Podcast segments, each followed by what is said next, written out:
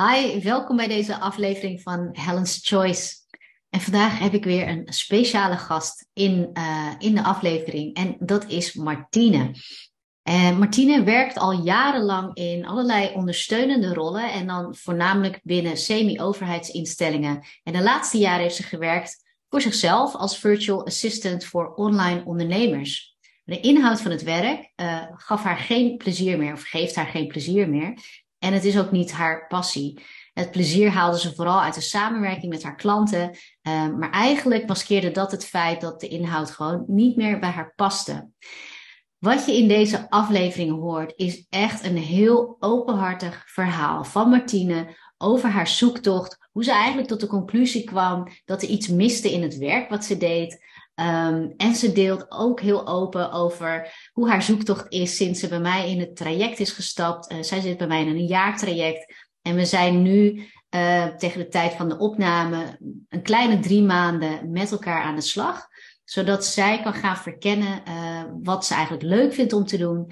En um, zij deelt in deze aflevering heel open over haar uitdagingen gedurende dat proces hoe ze daarmee omgaat, de inzichten die ze heeft opgedaan tot nu toe uh, en wat het haar tot nu toe heeft gebracht. Ik wens je heel veel plezier met de aflevering.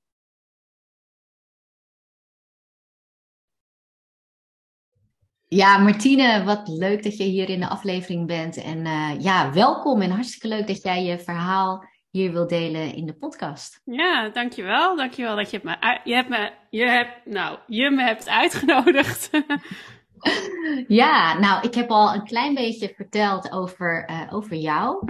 Um, maar kun je misschien zelf iets vertellen over, nou, de aanleiding waarom je eigenlijk ook een beetje wat meer over jouw uh, proces zou willen gaan delen? Um, ja, waar ben je eigenlijk mee bezig als het gaat over jouw zoektocht in je carrière? Um, zo, waar te beginnen? Nee, uh, ik denk dat dus waar ik naar op, ja, waar ik naar op zoek ben in dit, pro, in dit hele proces is inderdaad, ja, mensen noemen het passie of, of, of ik denk dat je er verschillende woorden aan kan geven, maar ik denk dat het belangrijkste voor mij is dat ik dat ik inhoud heb binnen het werk waar ik heel veel plezier aan beleef en dat me energie geeft. En niet meer dat het me energie eigenlijk uh, kost. Want dat is de laatste jaren, als ik erop terugkijk, op het mhm. moment dat ik erin zat, niet zo. Maar als ik erop terugkijk, uh, iets wat me uiteindelijk veel meer energie kostte dan dat ik aanvankelijk dacht. En dat ik vooral heel veel plezier uit de omgeving van het werk haalde. Het zij collega's, het zij klanten. Um, en nu ik dat heel erg bewust weet, ja, is mijn zoek dus echt van: oké, wat brengt mij dan nu echt plezier? En dat plezier kan dat eventueel ook een passie worden. Ik ben me wel degelijk van bewust dat ik misschien ook wel iemand ga zijn die meerdere passies of meer, heel veel plezier in mijn leven kan hebben. Dus meerdere dingen heel leuk kan vinden. Dus dat ik me ook niet te veel moet vast, wil vastpinnen op van ik moet één passie hebben en dat is het dan voor de rest van mijn leven. Maar dat het ook oké is dat ik dat mag gaan omarmen van oké, het kunnen verschillende dingen zijn. En ook de tools te hebben om dan als ik ergens weer een beetje denk, oh, de inhoud die zit me niet meer helemaal zo lekker, dat ik weet wat ik kan doen om weer een nieuwe zoektocht aan te gaan. Ja. Dat is eigenlijk, dat vind ik eigenlijk het allerbelangrijkste. Want ja. Ik denk dat het een hele mooie insteek is ook voor de zoektocht. Want dan beperk je jezelf. Want waarom zou je je daarin beperken? Ja zeggen dat je maar één, ja, één richting op zou mogen gaan of één ding zou mogen kiezen en, en daarna niks meer. Ja, en ik, ik, ik merk ook in gesprekken met mensen die ik bijvoorbeeld bewonder en die in mijn ogen één passie hebben, die staan ook niet stil. Die gaan ook elke keer een laagje verder. Of die gaan ook elke keer toch nog weer een. Je, er is geen eindpunt eigenlijk. Um, en, en ehm, goed, dat, dat blijft allemaal nog heel erg abstract voor mij dan. Want ik weet niet wat de uitkomst gaan zijn. Maar eigenlijk de mensen die heel erg al wel hun passie volgen of hun plezier volgen, laten we het dan zo zeggen, weten ook niet of waar ze nu staan, of dat al een eindpunt is. En vaak voelen ze dat ook misschien niet eens zo. Zeggen ze ook, ja, maar ik wil eigenlijk ook nog dit of dat. Dus. Ja, Ja, ah, super mooi. Nou, waar ik heel benieuwd naar ben, want ik spreek natuurlijk best wel veel mensen die op een gegeven moment een beetje vastlopen in het werk wat ze dan doen. Um, ik merk dat heel vaak daar jaren overheen gaan voordat dan de stap komt dat ze serieus op zoek gaan naar wat ze nou echt willen. En ik ben benieuwd wat voor jou eigenlijk de doorslag gaf om daar serieus mee aan de slag te gaan. Want ook jij wist het al wel wat langer. Ja, ja ik wist het wel al wat langer ook. Alleen voordat je echt door hebt of de tijd of de ruimte hebt om dan te zeggen: Oké, ik moet echt hier iemand bij in. Of ik moet zelf iets gaan doen of ik wil daar hulp bij inschakelen. Uh, ik denk dat het omslagpunt voor mij kwam toen wij vanuit. Ik woonde in Italië tot, uh, april, tot en met april 2021. En mijn vriend die heeft tijdens zijn werk, uh, of tijdens corona heeft hij zijn werk verloren, want hij werkte in toerisme. En toen zijn we verhuisd naar Nederland, want hij kon hier werken. En ik werkte toen er tijd als virtual assistant. Uh, daar had ik hele leuke klanten. Maar het liep toen al eigenlijk voor die verhuizing. Mhm. Merkte ik al dat het soms niet helemaal meer lekker liep. Eén klant heb ik toen ook gedag gezegd. Eigenlijk zeggende van, ik weet niet waarom, maar ik presteer niet meer zoals ik dat aan het begin van onze samenwerking deed. En het en ik weet niet waar het door komt, maar ik denk dat wij op dit moment gewoon niet even meer een juiste match zijn. Ik kan niet geven wat ik wil, wil, zou willen geven. En dat heeft, voor jouw business is dat niet handig. Dus dat, daar zijn we toen heel uh, in hele goede gesprekken aan. Eigenlijk was dat het eerste signaal al, als ik achteraf erop terugkijk. En zei je ook van. Wat waren dat dan voor dingen waardoor je merkte dat je. Kleine foutjes maken, dingen vergeten. Uh, uh, uh, gewoon, gewoon, dat je dus niet met je aandacht er meer bij bent. En natuurlijk kwam toen ook het moment dat mijn vriend ander werk had gevonden en dat we in één keer in drie weken een verhuizing moesten regelen. Maar dan, dan nog, als je echt iets doet waar je heel, heel veel plezier in hebt of waar meer je focus op ligt, dan tuurlijk, je, je geeft aan dat je misschien minder dingen kan doen, maar het, je kan het altijd wel op een of andere manier, denk ik, dan aan, aan elkaar breien. En in dit geval lukte dat bij deze klant niet. En misschien lukte dat bij andere klanten ook niet. Dat vind ik lastiger te zeggen. Maar uh, omdat die verhuizing er toen ook eenmaal aankwam, toen was het ook oh, fijn dat die klant weggaat. Want ik heb toch even tijd en ruimte voor andere dingen nodig. Ja. Dus toen ben ik ook niet actief meer op zoek gegaan naar een andere klant. En toen had ik er eigenlijk nog maar twee op dat moment. Ja. En bij het ene klant, uh, bij de ene klant hadden we een team. Dus daar was ik niet meer de enige. Dus daar kon ik ook zeggen: hey, kan jij even dit van me overnemen? Dat, zodat ik die ruimte had om eigenlijk bezig te gaan met de verhuizing. Ja. En, maar, en bezig met mijn vriend, hoe die kon integreren. En nou ja. Maar hoe wist je dan dat het zat in het werk zelf? Dat je daar gewoon geen... Nou, dat realiseerde ik toen nog niet. Maar dat realiseerde ik pas eigenlijk op het moment dat we... We waren dan in mei naar Nederland gegaan. Nou, uh, eerste twee maanden bij mijn ouders. Eindelijk huisje gevonden in het huisje. In september gingen we toen twee weken op vakantie naar Italië. Uh, um, en eigenlijk toen we die vakantie ingingen, dacht ik... Oh mijn god, ik heb geen zin om straks terug te gaan. En toen dacht ik ho, het is nog maar net de eerste dag van de vakantie en ik ben me nu aan het stressen over dat ik weer aan het werk moet. En ja. toen gingen bij mij wel de alarmbellen, Martine, je bent echt totaal over je grenzen heen gegaan. Ja. Alleen ik merkte ook dat mijn vriend niet zoveel zin had om terug te gaan. Dus ik heb toen nog een soort van ja, de hoge, zeg maar, een soort van, oh ja, nee, maar dat is heel normaal dat je dat niet wil. En als je dan eenmaal weer aan het werk bent, dan valt het allemaal wel weer heel erg mee. Yeah. Weet je, zo, uh, de keeping up appearances, zeg maar. Um, en toen kwamen we terug en hij had zijn eerste werkdag gehad. En hij zei letterlijk, oh ja, het viel me ook inderdaad heel erg mee. En het was eigenlijk wel weer leuk om er te zijn. Ja. Ja, en toen liet ik het los. Toen zei ik, ja, maar ik heb dus echt helemaal geen zin om hier. En ik had toen overdag al eigenlijk um, dat ik mijn computer had geopend en de inbox zag die helemaal niet zo vol zat. Echt niet. Maar ik alleen maar dacht, ik heb hier geen zin in, ik heb hier geen zin in. En toen heb ik als eerste huisarts of de assistent van de huisarts opgebeld en daar even mijn verhaal gedaan. En ik zeg, laten we alvast een afspraak gewoon inplannen. Mm -hmm. Ik mhm. denk, ik moet tegen iemand praten die hier helemaal niks mee te maken heeft. Want iemand anders die je kent, die kan misschien nog wel de neiging hebben van, ja, maar het is ook heel druk geweest voor je dit jaar. En er is ook heel veel gebeurd, dus het is heel normaal dat je zo voelt. Dat is heel lief bedoeld van mensen in je omgeving, maar vaak is dat niet, ja, is dat soms ook een beetje maskerend van, oké, je moet door blijven gaan. We zitten best wel in een maatschappij van, ga maar door, ga maar door. Het, komt wel weer goed, het komt wel weer goed. En het was gewoon even niet zo goed. En toen s'avonds dat Dani zei, Danielle, mijn vriend, zei van... Oh, ik vond het wel weer oké. Toen zei ik, nou, en ik heb vandaag de huisarts gebeld... en bij mij gaat het helemaal niet oké. En ik heb toen eigenlijk diezelfde middag ook mijn klanten gebeld van... het gaat niet. En dat was eigenlijk allemaal oké. Die zeiden meteen, oké, wat wil je eventueel nog wel doen? Wat wil je helemaal niet meer doen? Zeg het maar, we gaan het oplossen. Ja, ja, jeetje. Dus, hey, en, en had je dan ook een soort van fysieke klachten of symptomen, zeg maar? Waar, en misschien zie je dat achteraf pas, hè? Misschien... Ja, nou, ik was natuurlijk wel gewoon heel, heel moe, overprikkeld. En op het moment dat ik het ook echt los ging laten, was het ook echt voor mij was het al uh, heel veel als ik s'avonds een maaltijd op tafel kon zetten, zeg maar. Ik was wel weer, ik was wel, ja, de, eh, de overspanning, de burn-out, hoe je dat dan uh, wil noemen, dat zat er wel echt in. Dat ik gewoon af en toe gewoon. En ook totaal niet in contact sta met mijn lichaam. Alles deed pijn. Alsof je de hele tijd. Zo, ik werd ochtends wakker alsof ik het gevoel had alsof ik in de midden in de nacht nog een rondje. Een marathon had gelopen of zo.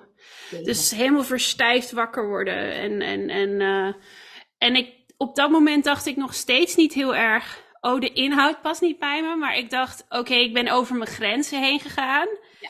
En wat ik vooral merkte, omdat mijn lichaam gewoon fysiek echt niet, pret, niet prettig aanvoelde, wilde ik vooral eerst aan de slag gaan, weer in contact te komen met mijn lichaam. En ik zat toen nog in een jaarprogramma voor VA's. Ja. En daar hadden we toevallig in oktober een live weekend van. En dat was ook heel fijn, want daardoor kon ik met mensen er ook wel over praten die gewoon wel hetzelfde soort werk deden, maar mm en daar leerde ik mijn huidige uh, personal trainer kennen, die, uh, die op een hele uh, ja, holistische manier eigenlijk eh, personal training geeft. Yeah. En die heeft, en eigenlijk toen ik dat voelde, want het enige wat zij deed, wat die deed, was dat je op een balletje moest gaan liggen.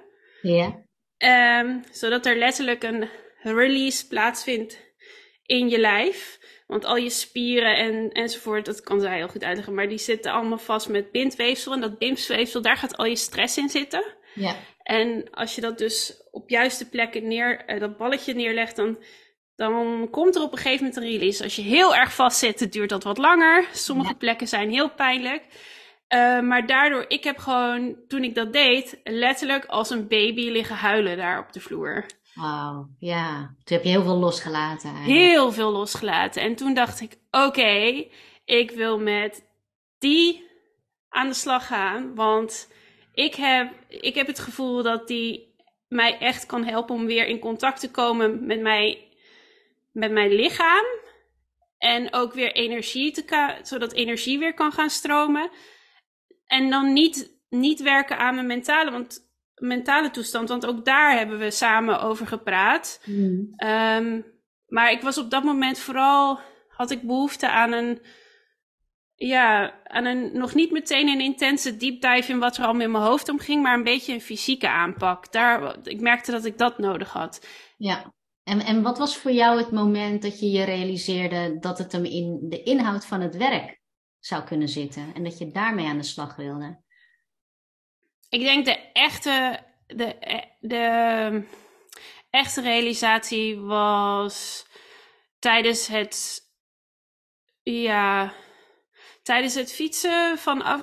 Ik heb met mijn vriend heb ik de afgelopen maanden, of in ieder geval december, eind december, januari, februari, maart, hebben wij gefietst. Mm en ik denk dat voordat wij vertrokken, ik eigenlijk misschien al ergens wel wist, ik wil niet weer als virtual assistant aan de slag gaan. En ik wil ook niet meer in ondersteunende rollen. Uh, omdat ik, om die reis te bekostigen, was ik tijdelijk aan de slag gegaan via Randstad als klantenservice medewerker. Ja. En dat ging me heel goed af. Ik werd meteen gevraagd om senior te worden en ze waren heel teleurgesteld eigenlijk dat ik eerder wegging en zo. Dat hadden ze niet verwacht. Ja, goed, ik ben een, ja, dat, dat is een heel ander verhaal. Maar goed, dat, toen realiseerde ik me, oh, maar ik doe eigenlijk iets wat echt onder mijn, nou niet onder mijn kunnen, maar ik denk, ik kan meer. Ik kan dit, maar het is gewoon niet, bleef er geen plezier aan. Dus dat kwartje viel toen ook al, maar dat heb ik toen nog niet echt uitgesproken. En ik denk pas op die fietsreis dat alles even is gaan bezinken. Er was niks anders, dus ik hoefde er ook niet zo mee bezig te zijn. En naarmate het moment kwam dat we weer terug naar Nederland zou ga zouden gaan, dacht ik, ja, maar ik wil ook echt niet meer terug naar wat ik daarvoor gedaan. Want als ik dat ga doen, dan kom ik weer op een punt straks over een paar maanden dat ik zeg, ja, het is gewoon weer zo saai, of het is niet meer zo leuk, of het is niet. Dus ja, en, en toen ben ik actief eigenlijk al in die laatste maand dat we aan het fietsen waren gaan. Oké, wat kan ik dan doen? Ik denk wel dat ik daar iemand voor nodig heb. Want ik kan zelf niet, ben zelf niet zo goed in een stok achter de deur zetten eh, met afspraken met mezelf of zo. Je hebt mensen die dat heel goed kunnen, maar ik heb daar toch wel een beetje hulp bij nodig of zo. Ja. Ja, en toen ben je eigenlijk, eigenlijk meteen al op zoek gegaan naar. Ja, ja, en ik, en ik want jij, jij hebt het me ook wel eens gevraagd hoe ik jou gevonden heb. Ja, volgens mij, of ik heb bij jou uh, een Instagram, uh, op Instagram een, uh, een hoe noem je dat, een advertisement gezien of zo. Ja. Uh, ik, denk, ik denk dat dat het was. Maar ik ben dan, wat ik dan altijd doe, is niet meteen klikken en aanmelden. Ik ga dan altijd naar iemands website. Dus toen ben ik je website een beetje bij. En toen zag ik wel de pensessie staan. En daar, daar heb ik me toen voor aangemeld. En ja. Uh, ja, en toen dacht ik, ja, eh, dit, dit is wel denk ik wat ik nu nodig heb. En toen heb ik gewoon maar zo'n uh, strategie sessie met je ingepland. Van eens even kijken of er ook echt een klik is dan. Ja ook voor jou natuurlijk. Van ja. gaan, gaan, gaan, eh, gaan we elkaar kunnen helpen, zeg maar. Ja, ja, ja. ja en toen ben je eigenlijk gestart. Hè, ja. Ik weet nou niet of dat in februari, maart of zo misschien. Eind maart, denk ik. Ik heb net nog zitten kijken. Uh, eind maart was het. Half maart denk ik dat ik. Uh, dat is dus nog geen drie maanden, hè? Nee, het voelt alweer alsof er zoveel is gebeurd. Dat is echt maar bizar. Is zo. nee, echt. Er is veel gebeurd. Ja, en, en, kun je iets vertellen over nou ja, hoe je daar eigenlijk aan begon? Wat, wat was een beetje je verwachting en hoe, ja, hoe ervaar je dat tot nu toe? Um, mijn. Uh... Oh, trouwens, de strategie-sessie was 16 maart. En oh. onze eerste sessie, dus dan ben ik ook meteen heel snel ingestapt eigenlijk, was meteen de week erna. Je kon niet wachten, ik weet het. wachten. Ja, en toen zat ik nog in Italië. Toen zat ik inderdaad nog in Italië. Ja, ja. En, en, en ook die week daarna ook alweer een sessie. Toen zat ik ook nog steeds in Italië. Dus we hebben twee sessies gedaan. En toen pas gingen we weer terug naar huis. Ja, ja en, zo, en zo ken ik jou ook. Hè? Dat als je gewoon weet van, oh, maar hier wil ik voor gaan.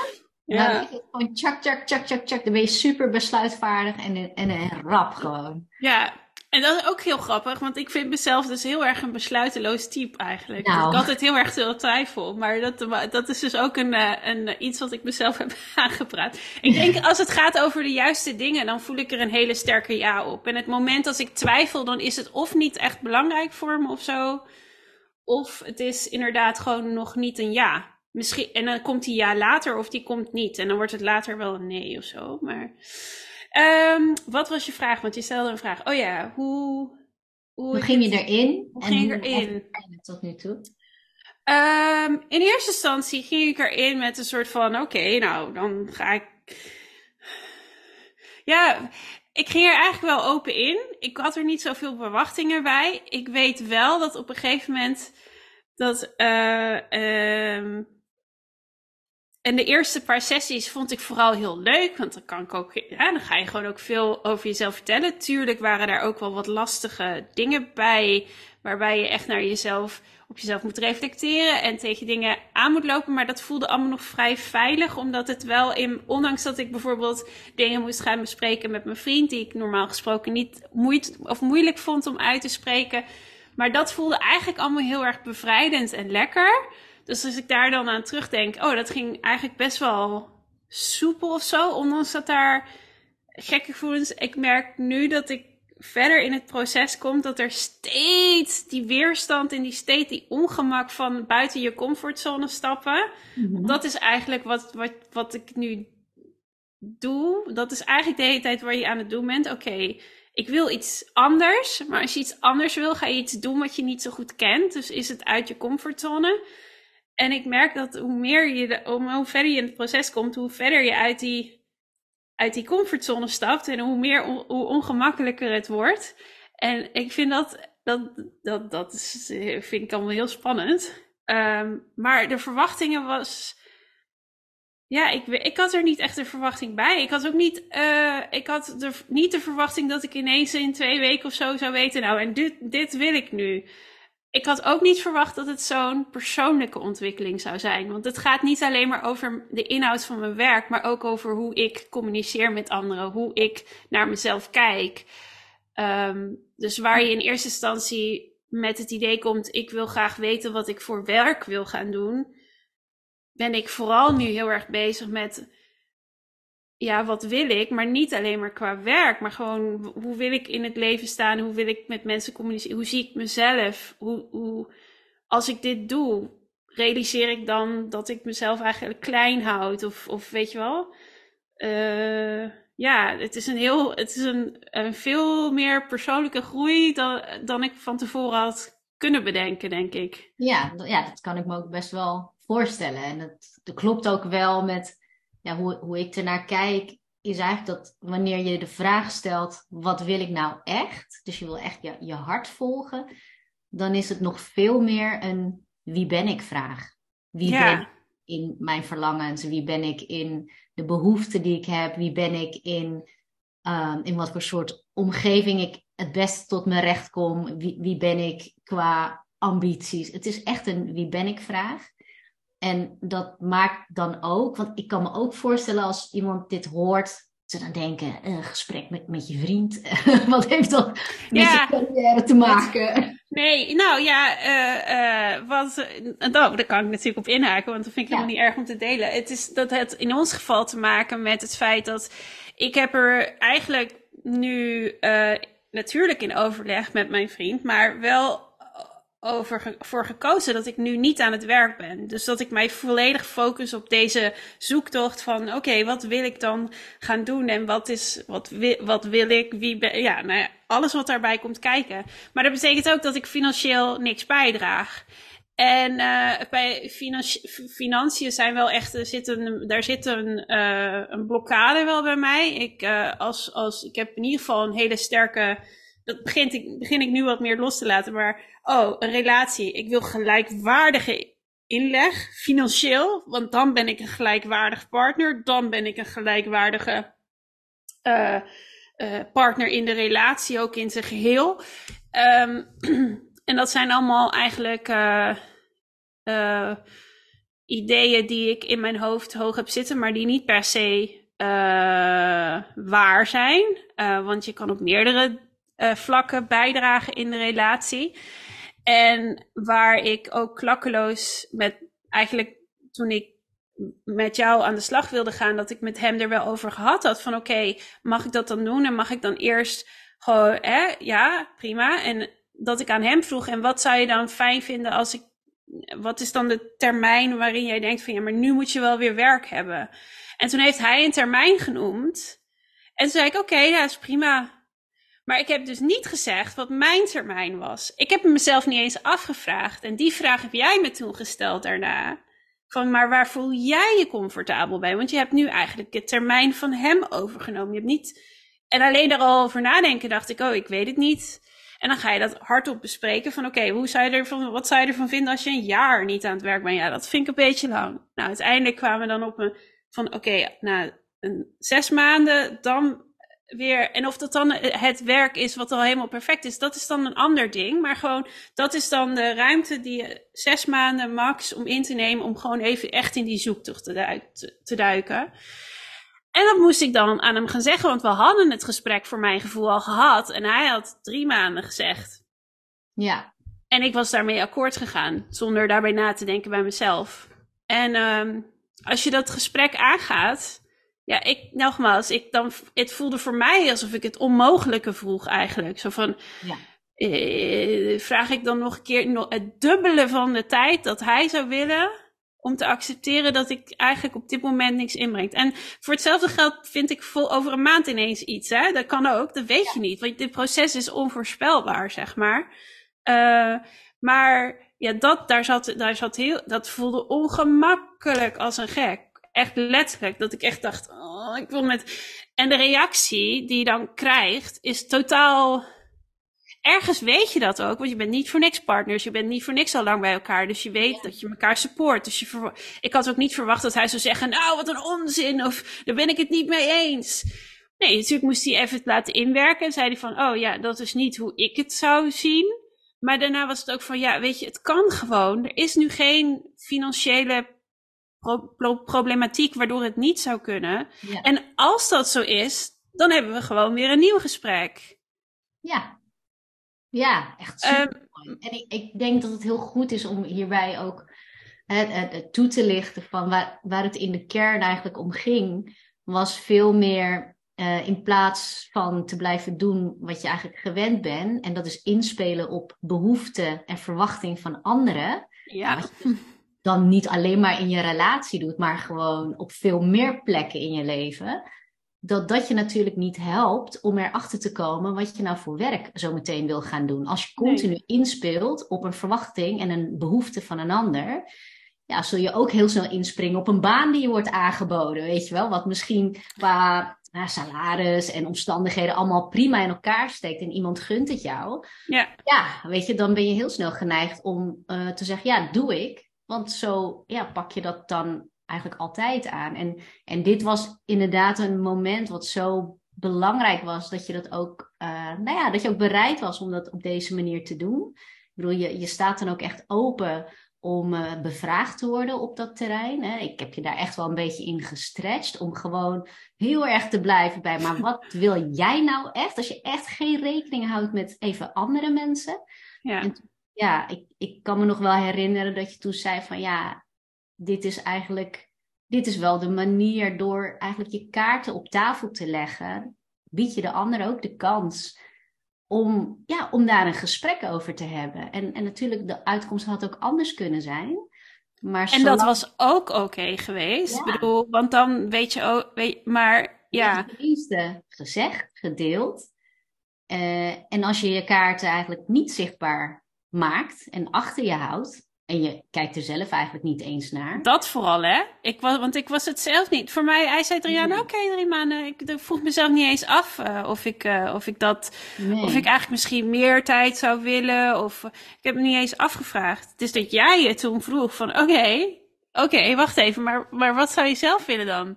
Ja, toen je dat zei, dan dacht ik, eh, ah als ik het zelf wil, ja, dan wil ik het morgen. Dan was het van, ja, maar dat doe je vanuit angst. Dat zeg je vanuit angst. Ja, dat is ook zo, tuurlijk. Ik zou liever morgen mijn werk willen hebben.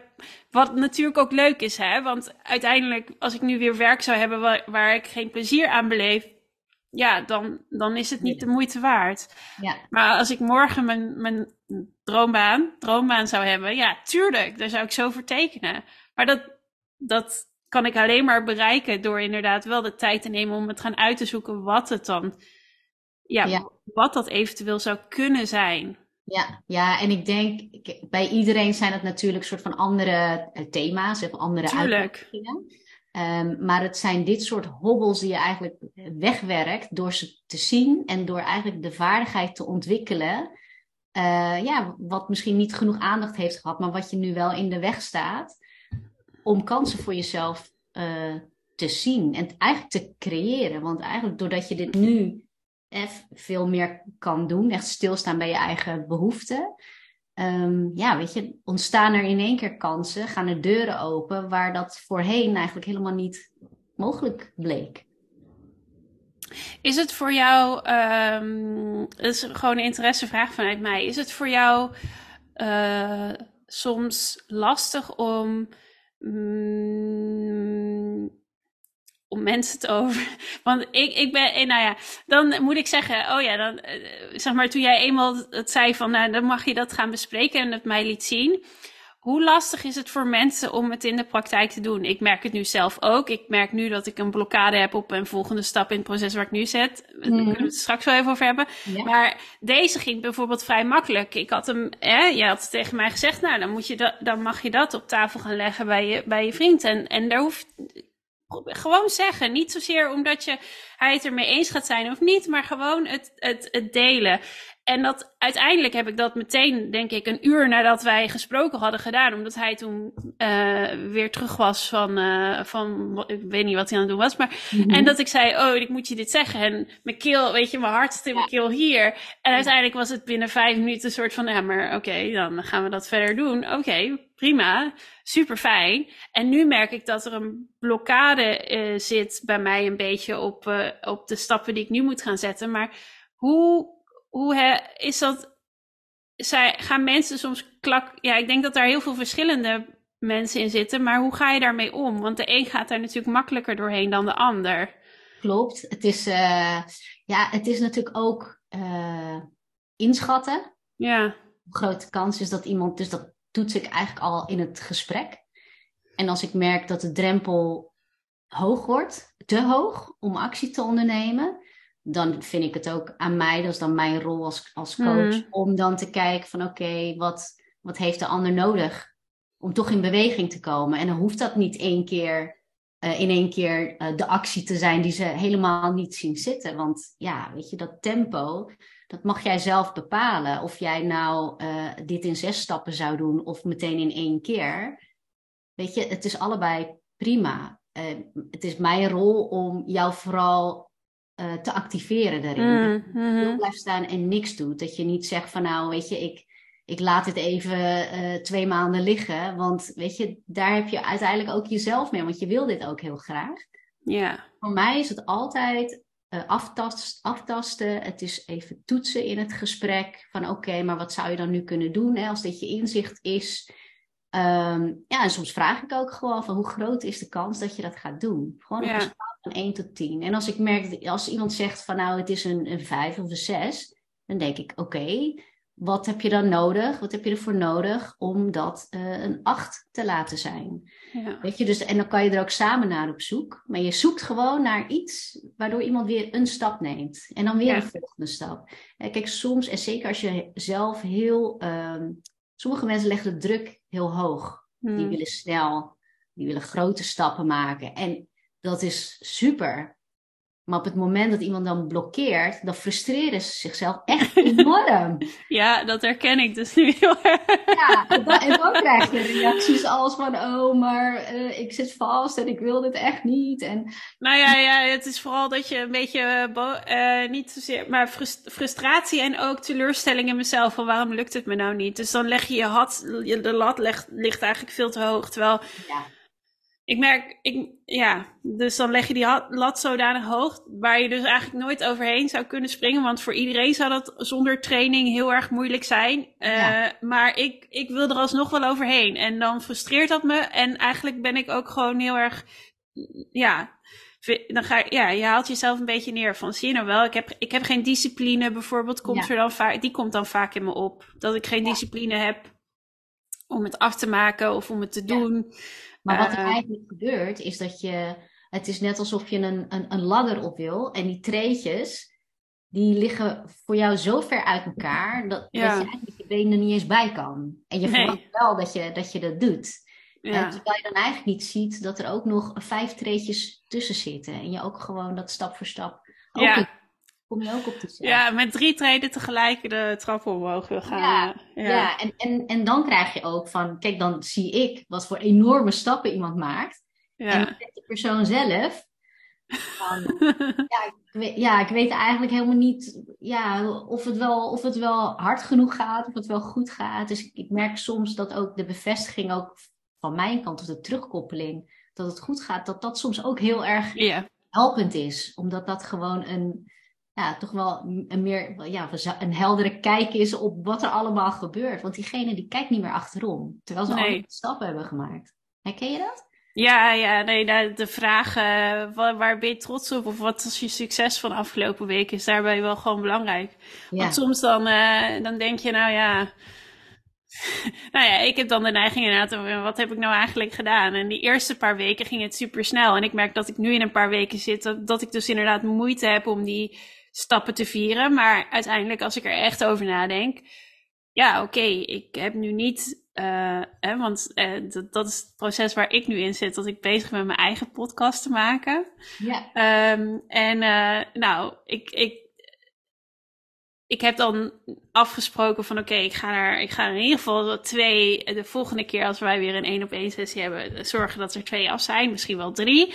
Nou ja, prima. Maar ik merk dus dat ik een beetje uitstelgedrag heb met wanneer ik het op ga nemen. En dat ik gisteren en eergisteren inderdaad letterlijk mijn computer openzette, de microfoon klaarzet en dat ik iets wil op gaan nemen. En dat ik eigenlijk denk, oh, maar ik kan nog even dit en oh, ik kan nog even dat. En niet omdat ik bang ben om het op te nemen, want als ik met, als ik gewoon aan het praten ben, dan, ik kan wel lullen. Ik heb daar niet zo moeite mee, maar het is vooral het proces daarna. Oké, dan heb ik straks een paar afleveringen en dan, en dan wat? wat ga ik er dan mee doen? Hoe, wat ga, hoe ga ik dat dan doen? Um, en, en daarin zitten, daar zitten, uh, zitten blokkade bij mij van, oh, dan, dan moet ik dat.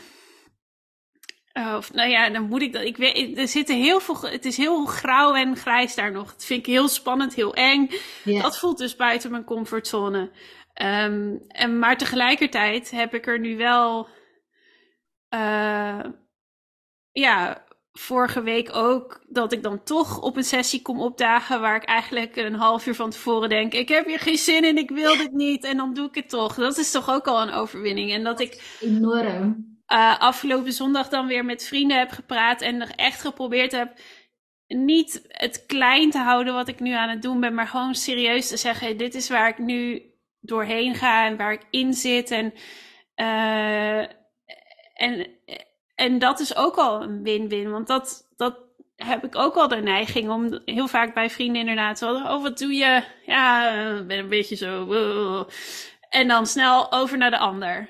Nee, even over, echt over tien minuten over mezelf praten. Zonder en zonder dan te zeggen, ja, maar ik ben gewoon een beetje aan een, podcast aan het opnemen. En daar ga ik, uh, nou ja, misschien doe ik er niks mee, maar gewoon leuk. Ja, dat is het ook niet. Dat, niet met die atmosfeer. Want dat is, ja, ik merk, ik merk dat dat ook iets is waar ik heel snel inschiet. Het klein houden, het, ja. Dus dat zijn, dat zijn allemaal kleine overwinningjes. En als ik er dan over nadenk, denk ik, oh, dat heb ik gedaan. Ja. Maar. Ja, punt. ja, en dan is mijn hoofd toch. Ja, maar je hebt nog niet de aflevering. maar eh, het kan allemaal niet tegelijk.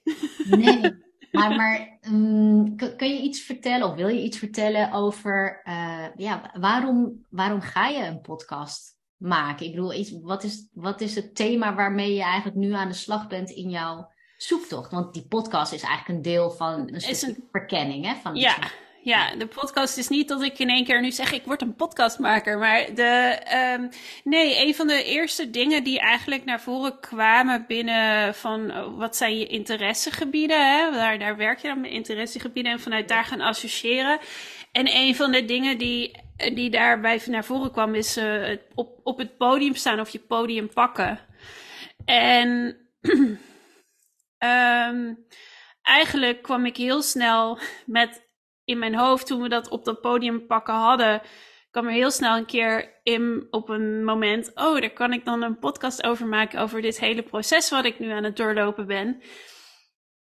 En wat mijn gedachte dan als eerste deed was: nee, dat gaan we niet doen.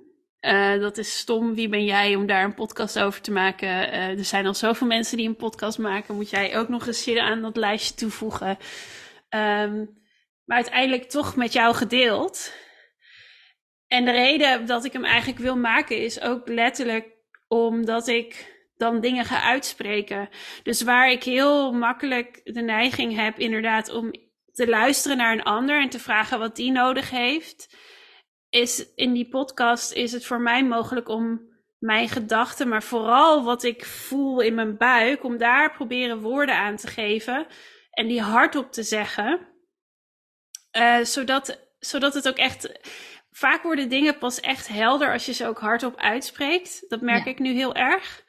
Uh, en als je ze binnenhoudt, dan blijft het een. Dan blijft het een ja, dan, gaat, dan gaat, geef je het niet kans om het te stromen. En een idee, als je een idee hardop uitspreekt, dan heeft het pas de kans om echt geboren te worden. Als ik namelijk niet met jou had gedeeld, nou, ik zat te denken om een podcast te maken, dan had dat misschien af en toe nog steeds in mijn hoofd opgepopt, maar dan was ik het niet gaan doen. Want vervolgens krijg je dan een reactie van iemand anders. Of dat dan een, een leuke of niet, maakt niet uit, maar er komt een mm. reactie en dan is het ineens dan zou, als ik dat aan een vriendin had gezegd, dan had hij misschien gezegd een paar maanden, een paar weken later: hey, je zou toch misschien uh, podcast, heb je daar al iets mee gedaan of zo? Weet je wel? Dan pas gaat er, en dat, dan gaat er pas iets leven of zo. En dan betekent niet dat alle ideeën die je hebt, dat die per definitie uitgevoerd moeten worden. Maar in dit geval merk ik gewoon heel erg, ik ben wel een prater, maar praten over mezelf is nog heel wat anders. Ja. Uh, en echt praten over wat ik dan voel en denk, dat vind ik. Uh, ik vind het wel heel leuk, maar ik vind het ook heel lastig. En tegelijkertijd, als ik er dan, weet je, als ik nu ook zo met jou hier zit, dan denk ik, ik vind het heel leuk om te doen. Echt heel leuk. Ik ben hier ook niet zenuwachtig voor. Ik ben hier ook, ik heb hier gewoon, ik vind het ook helemaal niet erg om het te delen. Nee, um, je bent echt super open. Je kan het ook heel goed verwoorden van wat er allemaal in je omgaat en omging en hoe je dat allemaal ervaart. Ja, maar eh, gek genoeg voelt het dus heel makkelijk en is het heel fijn. Maar als ik dan ga, ga denken over en dan daarna. Dus dit is dan heel leuk en dit voelt ook heel veilig, want dit is jouw podcast. Dus ik hoef, hè, ik, en ik, en ik ben ook, ik ben ook een, een van jouw klanten. Dus dit is, heeft, oké, dit is allemaal heel logisch. En dat, maar als ik dat dan dus zelf moet gaan doen. Dus als ik zou straks zou zeggen, Hè, ga nu naar de show notes hieronder en ga naar mijn, mijn podcast. Staat nog niet online, mensen. Dus dat.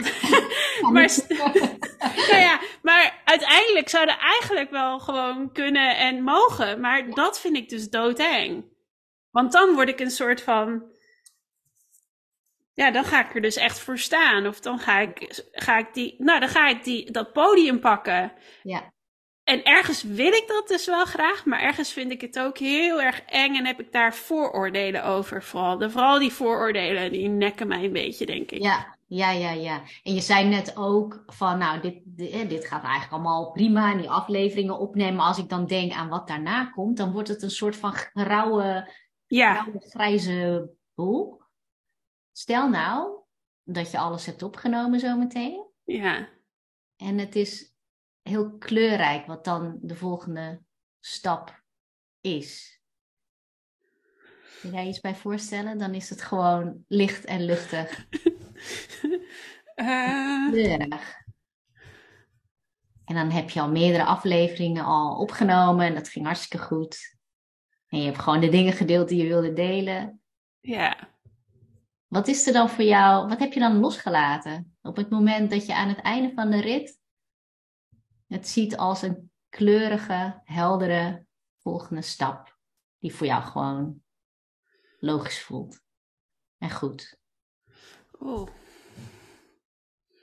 ik vind dat nog een beetje lastig om voor te stellen, daar werk ik, als je dat zo zegt. Mm. Dan denk ik vooral, zo kleurig. Volgens mij wordt het dan alleen maar ingewikkelder. Dit is echt mijn hoofd die ermee aan de haag gaat. Ja ik denk als ik me zou overgeven aan het gewoon doen en het leuk vinden en het alleen maar vanuit het plezier te doen en verder echt totaal niet bezig zijn met wat de consequenties of wat de gevolgen ervan zijn of wat iemand ervan zou vinden, mhm.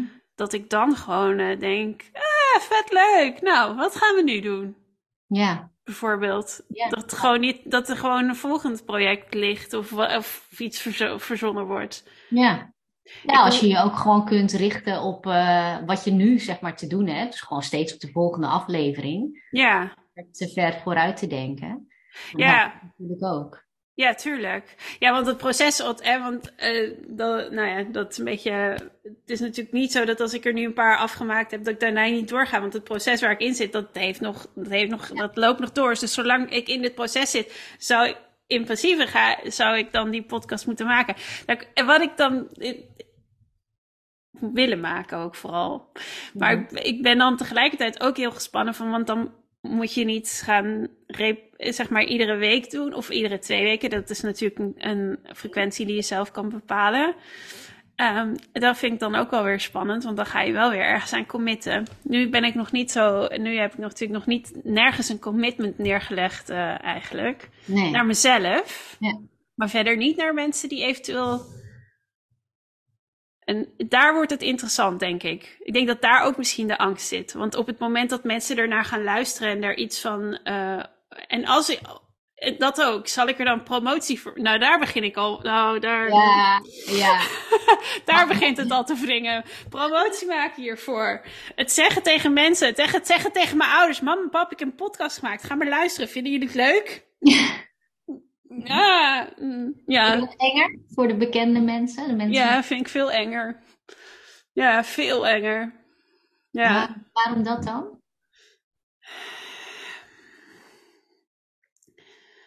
Um, ik denk dat dat ook weer te maken heeft met het lat hoog leggen en dat ik het goed wil doen. En, uh, en niet zozeer, zozeer voor mezelf, maar voor de ander. Dat ik niet mensen teleurstel. Niet men, en ik, dat is ook echt iets wat dan weer in mijn eigen hoofd zit. Want het is uh, nooit zo dat mijn ouders ooit gezegd hebben: Nou, nou zijn we heel erg teleurgesteld in wat je gedaan hebt. Of, uh, ja. dus dat zijn, dat zijn echt mijn eigen irrationele angsten. Ja, ja dus hoge verwachtingen. ja. Dus het, het, is natuurlijk per persoon anders, hè? maar als je, als je hoge verwachtingen hebt, dan ligt de kracht eigenlijk in het zoveel mogelijk weer teruggaan naar waar je nu mee bezig bent. Dus eigenlijk niet te veel nadenken, maar vooral het volgende doen.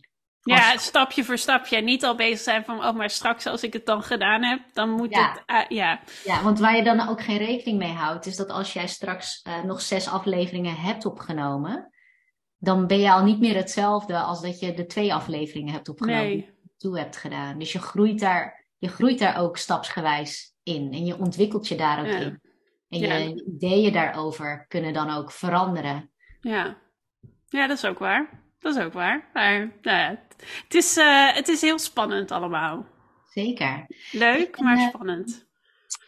Als jij, uh, ik kan me voorstellen dat mensen die hier naar luisteren en ja, eigenlijk in een situatie zitten waarin jij zat voordat je hieraan begon. Hè, die misschien al wel vier jaar of zo weten dat ze niet op een plek zitten. En eigenlijk tot nu toe vooral zelf hebben geprobeerd om, nou ja, om zo'n zoektocht te doen en om te ontdekken wat ze nou echt willen doen. Mm-hmm. Is er iets wat je, wat je hen zou, uh, ja, wat je hen zou meegeven waarom het soms gewoon goed is om daar hulp bij in te schakelen? Of dat nou van mij is of van iemand anders, maar gewoon het, uh, ja, het verschil misschien met dat je daar zelf mee aan de slag gaat?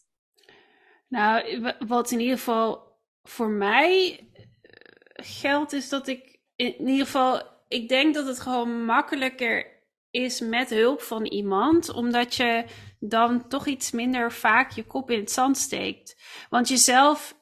Um, uiteindelijk is het een proces van in jezelf in de spiegel aankijken. Het is een proces van wie ben ik, wat wil ik. En uh, dat zijn lastige vragen waar je niet altijd even uh, een, een heel kant-en-klaar antwoord op hebt. En dat verandert ook door de tijd heen. Um, maar, en dan is, als het een beetje moeilijk wo wordt, dan is het vaak natuurlijk het fijnste om gewoon weer in je oude vertrouwde patroon terug te vallen, omdat dat is wat je kent. Ja. Dus op het moment dat jij, kijk, als je het zelf kan en je bent, uh, uh, dan, dan is het heel, uh, als je zelf een manier vindt, want uiteindelijk heb jij het ook grotendeels zelf gedaan. dat, dat is super. Alleen het proces gaat dan wel, denk ik, langzamer. Ja, er is niks mis bij, maar het gaat wel langzamer, omdat je af en toe gewoon echt geen zin hebt om dan. Heb je misschien iets bedacht en dan denk je, oh, dan wil ik eigenlijk meer over weten. En ik wil die persoon bijvoorbeeld gaan. Een persoon benaderen die een heel interessant beroep heeft, bijvoorbeeld. En daar wil je gewoon een praatje mee maken. Maar dan denk je, oh ja, dan kom ik aan, zit ik op te wachten, heb je die gedachte. En dan denk je, oh, en voor je het weet zijn er twee maanden voorbij en heb je nog steeds niks gedaan. Ja, dat is um, Ja, dus het feit dat je dan iemand hebt die, zeg maar, jou daarin begeleidt.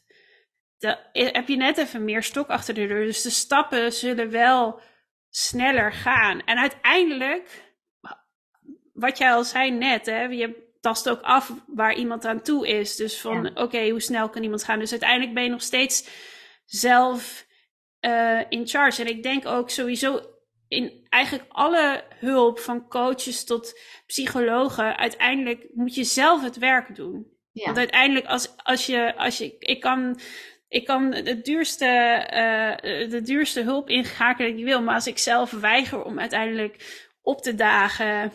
En dat ik vorige week had gezegd, nou zoek het uit bij de, met, met, met bij de groepsessie, zeg maar. Ik kom toch niet op dagen. Dan heb ik alleen maar mezelf ermee. Ja. En dan, dus het is, naast dat het iemand, naast dat het helpend kan zijn om iemand in te schakelen die je begeleidt daarbij, is het vooral ook belangrijk, denk ik, dat je je heel bewust bent van dat je het ook wil, dat je ook echt het wil gaan aanpakken. Dat je die verandering of die, dat, die zoektocht echt aan wil gaan. Ja. Want als je niet bereid bent om naar jezelf te kijken of zo, of niet bereid bent om, of dat je eigenlijk alleen maar heel hard wil wegrennen en het liefst onder die deken wil blijven liggen, ja, dan gaat het niet werken. Nee, en dat, dat, is ook, dat zie ik ook echt wel als, nou ja, jouw, jouw grote kracht, ook in de stappen die je ook hebt gezet tot nu toe, is dat je mm, ook wel heel zelfbewust bent.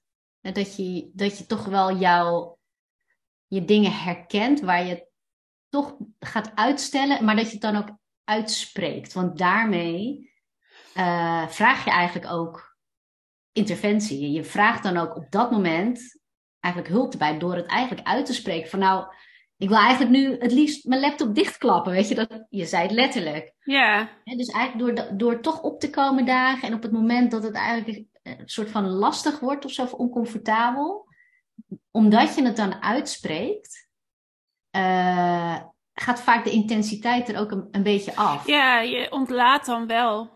Je ja, en dan, kan je er iets mee. Ja. En dan kan ik er ook iets mee. Dan kan ik je ook weer verder helpen, zeg maar. En dus dat maakt ook echt wel dat je daardoor echt, echt grote stappen maakt. En ik weet dat jij dat niet altijd zo voelt. Maar ik, ik kan je echt met zekerheid zeggen dat je. Dankjewel. Supergoed. Uh, en, en ik denk, het is misschien ook wel interessant voor de luisteraar om van jou te horen van wat heeft het je dan tot nu toe opgeleverd? Want ze horen dan van, hè, je gaat een jaar aan de slag, maar moet ik dan echt een jaar wachten voor, voordat ik uh, een soort van vooruitgang heb geboekt of, of me beter voel? Of wat heeft het voor jou gebracht tot nu toe?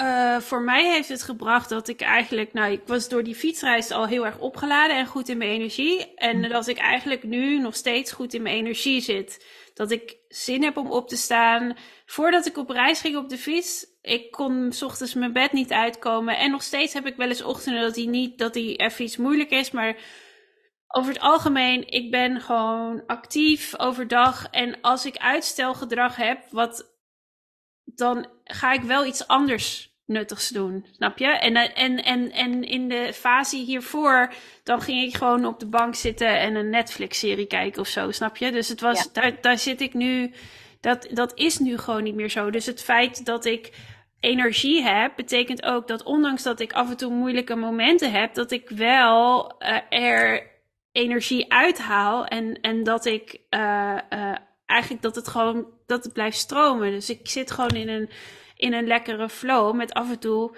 ja, wel gewoon even, hoe, het gaat wel zo, het gaat niet zo, maar dat is ook gewoon, dat is ook helemaal oké. Ja. Um, en wat het me ook al heeft gebracht, dat ik gewoon, en dat is echt heel gek, maar omdat ik nu bezig ben met van wat ik wil en wat ik fijn vind en belangrijk en dat is allemaal nog niet 100% concreet. Maar het zorgt er wel voor dat ik beter communiceer met mijn vriend.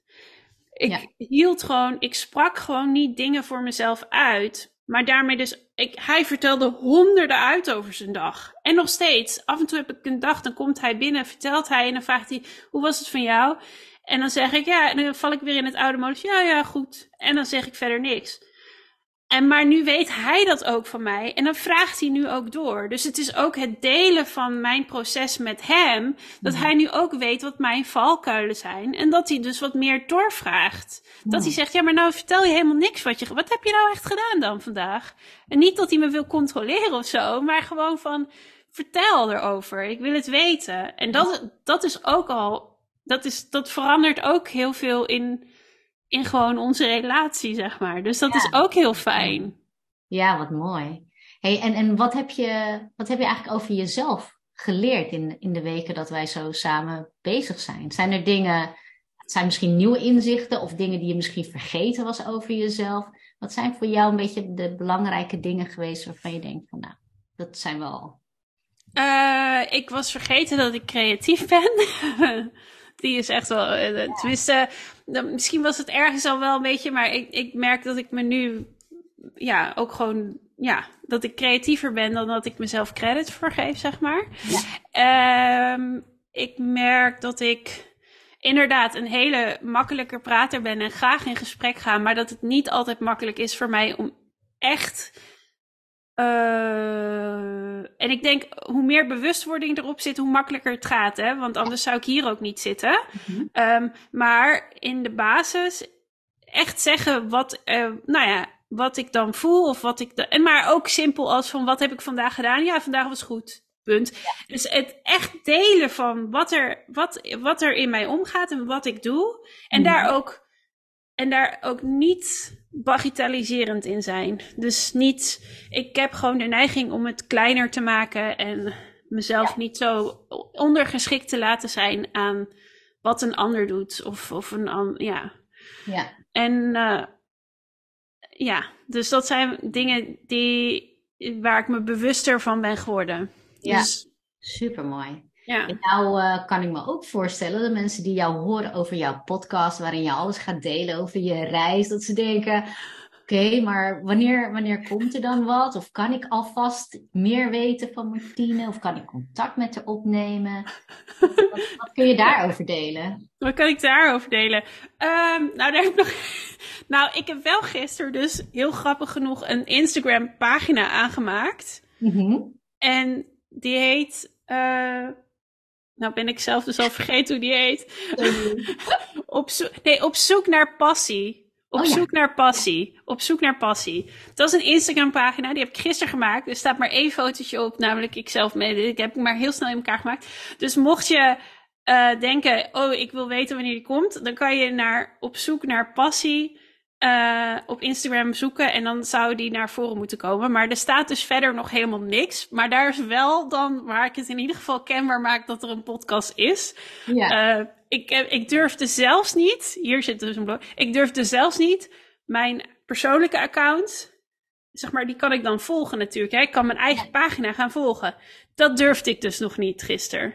Oké, okay. en nu je het verteld hebt en mensen weten wie je bent? Nee, dat, nee, no, nee, want, uh, want in dit geval zal het dan zijn dat de eerste mensen die het gaan zien, zijn natuurlijk mijn vrienden. Die volgen mij op Instagram. Dus die zien dan dat ik een of andere pagina ben gaan volgen, maar op zoek naar passie. En dan gaat er, nee, dat gaat al helemaal hier. dus uh, uh, het weet ik nog niet of ik dat durf. Oké, okay, dus vrienden, niet die pagina volgen. Nee, die mogen. Nee, als ze het uit zichzelf gaan volgen, prima. Maar als ik dan volg en dan gaan ze. op. ja, ja. Nee. ja maar spannend. Ik, ik kan me zo voorstellen dat andere passiezoekers, carrière switchers, misschien wat aan je willen vragen of wat dan ook, kunnen ze je dan gewoon benaderen via die uh, pagina? Ja, zeker, dat mag. Dat mag. Daar mogen ze, dat, ja, zeker, dat mag. Er is ook, er is, een, er is wel een reden dat ik hem heb aangemaakt, want anders had ik het ook niet gedaan. Dus ja, uh, dat, het is, ja, dus uh, zeker. In de show notes, dus mensen gaan je sowieso ja. kunnen vinden. Ja. Leuk. Spannend. Uh, is er nog iets wat je, wat je uh, als laatste nog zou willen zeggen? Of uh, dat je denkt, van, oh, hier hebben we het eigenlijk nog niet over gehad? Um, nee, niet per, nee, niet per se. Het enige denk ik wat ik zou willen zeggen, en dat heb jij ook al wel eens gezegd. Als het gewoon een beetje ongemakkelijk voelt of, of het een beetje pijn doet of ja, gewoon niet lekker zit, dan zit daar iets. En daar zeg maar, dan zit je op de goede weg. Niet dat je er dan meteen helemaal doorheen moet gaan, maar er zit een, uh, iets wat voor jou belangrijk is of een blokkade is. En dat is interessant om verder in te duiken. Dus dat geeft alleen maar aan dat je op de goede weg zit. En ik heb die momenten heel vaak. En dat voelt soms als een soort van. Mm, ik wil inklimmen, maar tegelijkertijd soms ook een beetje als. Oh, spannend dat hier iets mee gaat gebeuren. Dus dat zijn luister naar je lichaam. Je lichaam geeft heel veel signalen. Ja, die ligt niet. En dat vergeten we soms een beetje. Daar hebben we het inderdaad helemaal niet zo over gehad. Maar wat dat betreft, contact met je lichaam. Begonnen bij jou. Ja, met je verhaal. Hartstikke mooi. Echt een hele mooie afsluiting uh, ook. En uh, ja, ik denk, weet je, ik denk als je op zo'n punt komt dat het ongemakkelijk wordt, dat je eigenlijk alleen maar vooral nieuwsgierig hoeft te zijn ernaar. Daar begint het gewoon mee. Dat je het niet meteen weer negeert en doorgaat met waar je mee bezig was. ja. Nou, Martine, eh, super bedankt dat jij je verhaal zo open wilde delen met de luisteraar, met mij. Ik uh, ben echt uh, super blij uh, dat wij samen aan de slag zijn voor jouw zoektocht. En, ik ook. Ja. ik ben heel blij met jou. Dank je. En ik met jou. En ik verheug me echt op, nou, op de komende maanden om ook te zien hoe dat zich verder ontvouwt en ontwikkelt. Dus, ik ook. Dankjewel. Dankjewel dat ik er mocht zijn. Ja, en uh, luisteraar, hartstikke leuk dat je hebt geluisterd. En uh, vond je dit nou een uh, fijne aflevering? Geef dan ook een, een beoordeling, sterren. En dat helpt ons weer om andere mensen te bereiken die hier misschien iets aan heeft. En wil je Martine volgen, dan vind je in de show notes hoe je dat kunt doen. Tot de volgende keer.